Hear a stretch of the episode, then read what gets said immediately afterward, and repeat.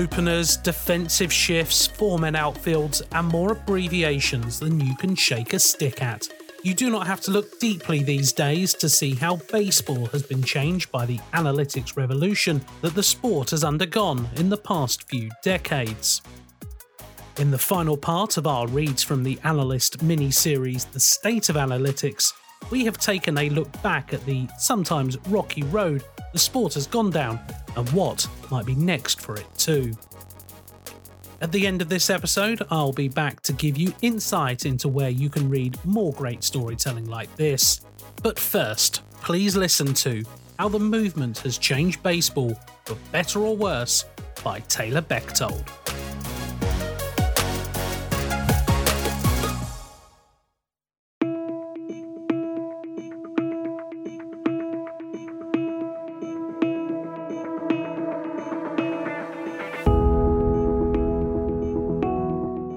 Some insist the analytics movement that spread across baseball in the early 2000s, inspiring a best selling book and a hit movie, didn't just change the game, but ruined it. Others stand by the belief that the influx of data and technology has only made Major League Baseball front offices, coaches, players, and fans smarter. The fact is, the practice of looking at statistics differently isn't a 21st century development. It's believed to have started to an extent in the 1950s when some innovative people began to recognize that the traditional ways of evaluating player performance often did not tell the whole story. Revolutionary executive Branch Rickey, who of course signed Jackie Robinson and created the minor league farm system, is also considered a pioneer in the use of statistical analysis for writing an article in Life magazine about an early version of on base percentage. Starting in the 80s, fan and aspiring writer Bill James attempted to expand the thought process beyond the numbers in the back of a baseball card and into what he called the ever expanding line of numerical analysis.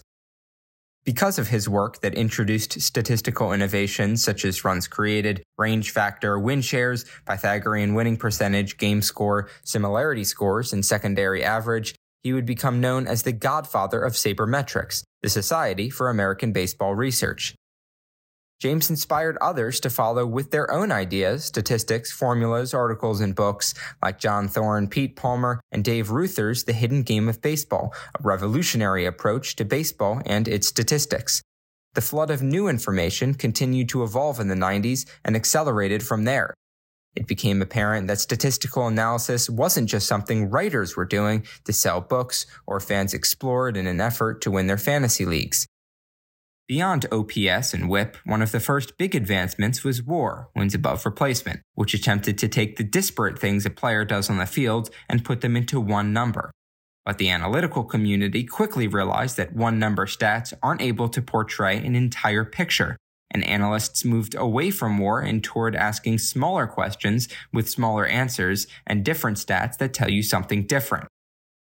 There was deeper value in the information, and eventually, a few desperate teams sought to mine success out of that data. Author Michael Lewis propelled advanced analytics into the mainstream with the 2003 book Moneyball, the Art of Winning an Unfair Game, that chronicled how the Oakland Athletics used metrics to assemble a contending team despite being limited by one of MLB's smallest payrolls. Tom Tango and Michael Lichtman's The Book, Playing the Percentages in Baseball, originally published in 2006, aimed to take the work of James and the hidden game of baseball to the next level. The film adaptation of Moneyball, however, gave baseball analytics its greatest exposure yet in 2011 and was nominated for six Academy Awards, including Brad Pitt for playing the role of A's general manager Billy Beane. Oakland averaged 94.9 wins and reached the playoffs five times, while only ranking higher than 21st in opening day payroll once between 2000 and 2006, Beane turned down a lucrative offer from the Boston Red Sox, who believed he could help them get more out of a payroll that ranked in the top seven in each of those years. Beane's rebuff wasn't going to stop the Red Sox and other determined franchises from trying to get close to Oakland's win per dollar ratio. The Red Sox would hire a young Yale graduate with a law degree named Theo Epstein and James as a senior advisor. In the years that followed, every organization would build an analytics department filled with full time data scientists with advanced degrees in computer science, physics, mathematics, or similar. Coverage of the game followed after the A's model, with analytical websites like Baseball Prospectus and Fangraphs becoming mainstream. I think the data just gives you a sense of context and a sense of where this belongs in history, and I think that adds a story to tell, said baseball analytics writer Eno Sarris, formerly of Fangraphs. It doesn't detract, it's part of telling the whole story. I think numbers are part of telling the whole story. Perhaps what's most astonishing is not how the data has influenced baseball operations, but the way it has impacted on field strategy. With every franchise analyzing the metrics, Major League Baseball has evolved over the past 20 years in completely unexpected ways, and aspects of the game that used to be commonplace are now enduring a slow death. There was a time not long ago when a team's ability to manufacture runs was considered to be closely aligned with its success. A club that could get someone on base, get that player over to second with a bunt or stolen base, and then find a way to drive him in from scoring position could win some games. Now, a team that has to resort to manufacturing runs is likely to be considered a punchless club with more than its share of offensive troubles. The data reveals that bunting, particularly sacrifice bunting, became the primary method of moving runners along from 1903 to 1930. The total number of sacrifices eclipsed 2,000 each of those seasons and maxed out at a whopping 4,441 in the peak of the dead ball era in 1915, before Babe Ruth, the game's first slugger, changed everything four years later by belting a then league record 29 home runs. The emergence of the power hitter led to not only a decrease in sacrifice bunts, but also stolen bases, which dipped under 2000 in 1920 and did not eclipse that mark again until the 1970s when Lou Brock, the success of the Speedy A's and the arrival of AstroTurf in large ballparks made the game faster and sparked a steal's rebirth. That continued into the 80s when Rickey Henderson swiped a record 130 bags in 1982, and Vince Coleman stole 110, 107, and 109 bases from 1985 to 1987. But as the analytics movement began to take hold in the 90s, MLB experienced a slow drop in stolen base attempts. After failing to surpass 3,000 only once in the 90s, total steals only hit that mark once between 2000 and 2009. Stolen bases have also decreased in each of the past four full seasons, ending up at 2,280 in 2019, the lowest in a non shortened season since 1973. Sacrifice bunts, meanwhile, have experienced an even more dramatic fall, decreasing in each of the past eight full seasons from 1,667 in 2011 to an all time low of 776 in 2019. Additionally, teams have seemingly begun to phase out players who need to bunt frequently in order to get on base. So, with stealing and bunting at historically low levels, why is manufacturing runs slowly becoming a thing of the past? Well, the data has helped organizations come to the realization that it just doesn't work.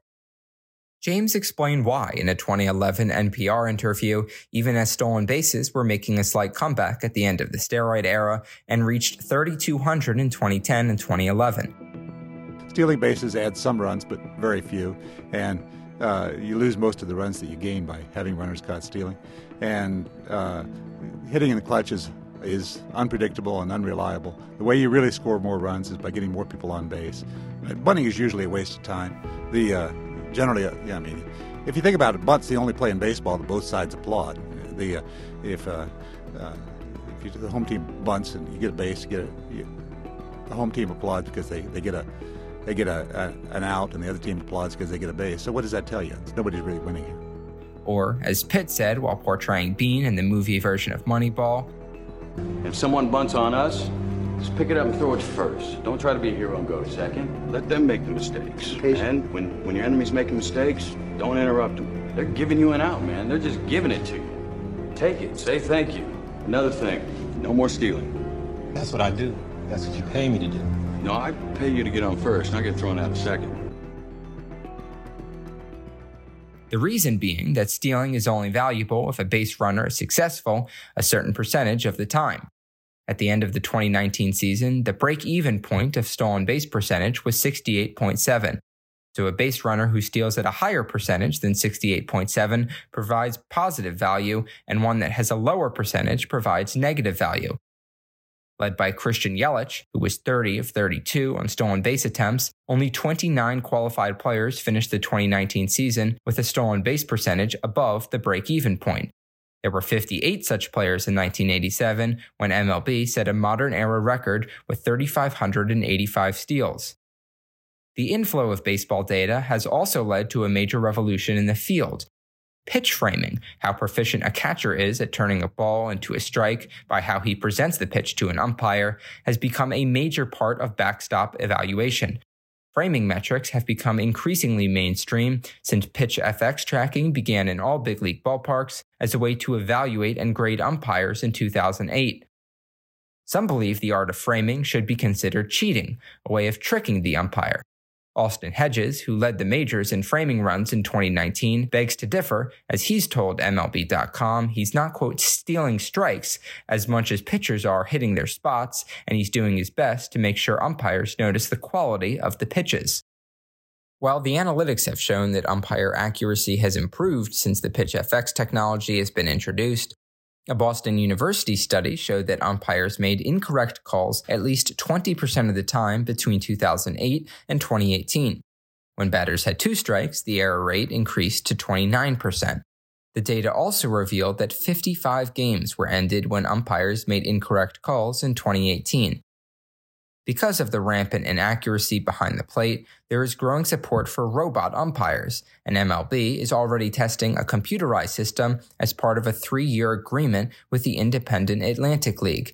Until the big leagues implement the technology, there figures to be a tremendous value in having a catcher that excels in pitch framing, especially when one considers how much a batter's average changes dramatically depending on the count. The sexy ones are the called strike threes, Hedges said, but it's more about switching counts. It's that 0 0 pitch or that 1 1 pitch. The more often we can flip a count to 0 1 or 1 2, it directly results in outs. There's also data that can show where opposing batters are likely to hit the ball, so teams began to tinker with placing extra defensive players in those areas, even if it meant taking them out of their traditional positions. As a result, the defensive shift, considered an oddity when clubs moved three infielders to one side of second base against Ted Williams 70 years ago, became common. After the strategy started to spread, the number of plate appearances that ended with an infield shift rose from 8,505 in 2012 to an all time high of 39,484 in 2019. Over this span, the percentage of plate appearances that featured shifts skyrocketed from 4.62 in 2012 to 21.17 in 2019. In this game, every action has a reaction. For every strategic innovation, there's a countermove by the opposition. In this case, hitters sought to avoid the defensive shift while also taking better advantage of their strength, smaller ballparks, and in some years, a livelier baseball. The infatuation with launch angle was born. In 2017, the Washington Post reported that many hitters cited the shift as the primary reason they chose to focus on hitting the ball in the air after years of hitting coaches telling them to hit low line drives. High launch angles spread across the league like wildfire, and the average launch angle, the angle at which the ball flies after being hit, rose from 10.1 degrees in 2015 to 10.8 in 2016, 11.7 in 2018, 12.2 in 2019, and 12.7 in 2020, according to MLB's Baseball Savant. We've come a long way since the practice of chopping down on the ball, known as the Baltimore chop, was developed in the 1890s. No grounders, three time All Star third baseman Josh Donaldson, almost echoing the way Pitt's character spoke about bunting, told the Washington Post. Ground balls are outs. If you see me hit a ground ball, even if it's a hit, I can tell you it was an accident. If you look at a baseball field and look on the infield, there's a lot of players there. You look in the outfield, there are fewer players and more grass. So if you hit in the air, even if it's not that hard, you have a chance. Players are indeed subscribing to that philosophy, as the percentage of ground balls hit in 2020 was just 43.3, the lowest since Stats Perform began recording the data in 1987. As one might expect, singles per plate appearance also dipped to an all time low at 13.6%, and triples, long considered to be one of the game's most exciting plays, remained at an all time low of 0.4%. On the other hand, home runs were hit in 3.5% of all plate appearances. That's down only slightly from 3.6% in 2019, when a single season record 6,776 were slugged overall. Coupled with the premium that teams have placed on high velocity pitchers during the 21st century, the launch angle approach also led to an all time record 23.4% of all plate appearances, resulting in a strikeout in the shortened 2020 campaign. This rate has now risen in a somewhat disturbing 15 consecutive seasons. As part of its agreement with the independent Atlantic League, MLB is testing a rule change that could cause fewer strikeouts and home runs. Starting August 3rd, the Atlantic League will move the pitching rubber back 12 inches to 61 feet 6 inches. The Tampa Bay Rays, whose analytical ways were chronicled in Jonah Keri's 2011 book, The Extra 2%, How Wall Street Strategies Took a Major League Baseball Team from Worst to First, began thinking about ways to counter launch angle as soon as it arrived. They were considered to be at the forefront of the movement that believed that throwing high fastballs at high velocity could suppress the hitting approach. In 2019, Tampa Bay seemed to finally have the pitching staff, one that ranked sixth in the majors with a 93.97 average mile per hour on fastballs, to thrive using that strategy, throwing a league high 45.7% of all fastballs either up in the strike zone or up and out of the zone. It proved to be effective as the Rays finished with the third most strikeouts, fourth fewest walks, and allowed just 181 home runs, the fewest in the majors. Overall, however, the latest development in the ongoing evolution of the game has created an unwanted side effect, one that Commissioner Rob Manfred hopes to remedy. More strikeouts have brought more pitches, and more pitches have brought longer games, MLB set a record for the fifth straight year with 3.96 pitches per plate appearance in 2020. And fewer balls are in play because of the record number of strikeouts, the historic home run rate, and less foul territory in smaller parks. Manfred implemented several changes after the average nine inning game lasted 3 hours and 8 minutes in 2017, up from 2 hours and 46 minutes in 2005. The league imposed limits on mound visits, shortened commercial breaks, and eliminated pitches on intentional walks. In 2019, MLB ruled a reliever had to face at least three batters or finish an inning before he could be removed, and said it would keep seven inning doubleheaders and continue to start a runner on second base in extra innings in 2021. As for what's next in terms of the ever changing world of analytics, well, much like the defensive shift, some executives feel the next step in defending the historic fly ball rate is to implement a four man outfield more often. The alignment has increased dramatically over the past two full seasons after only being used once in 2017. Of course, the Rays have been the trendsetters, According to MLB, they used a four man outfield for 60 opponents' at bats during the 2020 regular season, more than half the league wide total. Tampa Bay also went to four outfielders for four plate appearances in the first two games of the ALDS and has utilized the strategy against Texas Rangers slugger Joey Gallo this season. While people like Beane have traditionally been behind baseball's analytics movement, that has changed more recently, with data and technology companies contributing to the next phase.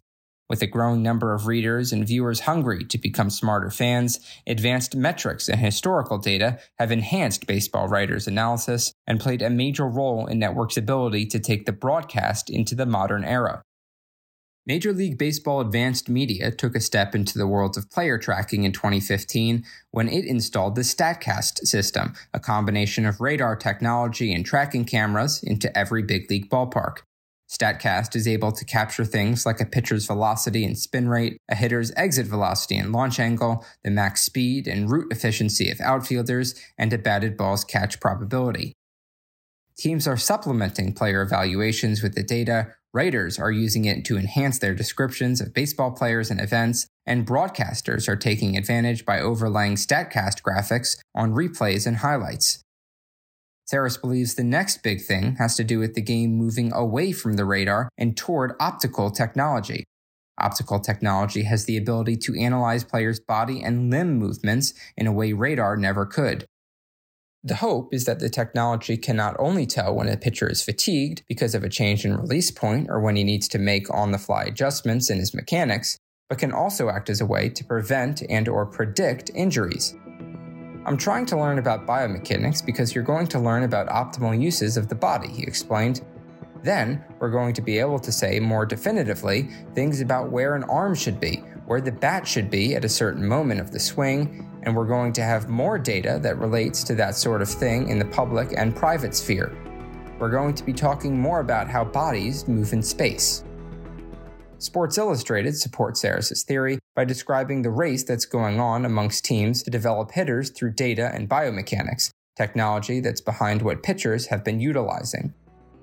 The Chicago Cubs hired Justin Stone to be their director of hitting ahead of the 2020 season after one year as the team's biokinematic hitting consultant, and more tech based coaches are being brought in as hitting directors and strategists than ever before. Stone has a training facility that uses electromyography, EMG, which measures how well muscles fire during a swing, re engineering batting tees, ground force plates, and 3D kinematic sensors. It's obvious that technology is quickly spreading across baseball, and with it, the next wave of analytics.